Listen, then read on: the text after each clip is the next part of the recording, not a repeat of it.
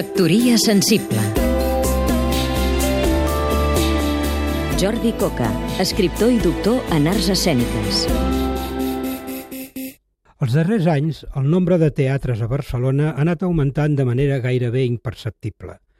A més dels grans espais oficials, el Teatre Nacional de Catalunya, el Lliure i el Mercat de les Flors, i dels locals històrics, com per exemple el Romea o el Poliorama, hi ha escenaris comercials magnífics, el Tívoli, el Coliseu, el Borràs i els teatres del Paral·lel, Victòria, el Condal, l'Apolo, el Molino...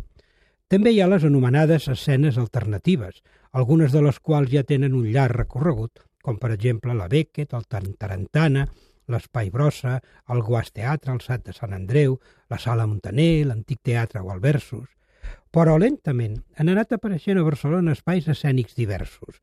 Em refereixo a la Biblioteca de Catalunya, al Teatre Almeria i Acadèmia, al Rei de la Màgia, a la nau Ivanov, a la Sala Atrium, al Fly Art i un, etc considerable d'escenaris amb característiques, propòsits artístics i sistemes de gestió diferents. I n'hi ha més.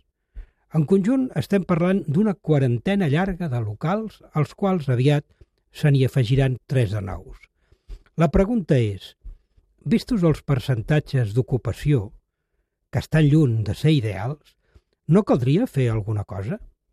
L'administració no hauria de pensar un pla de màrqueting complet i seriós, profund, per dur espectadors als teatres? Factoria sensible Seguim-nos també a catradio.cat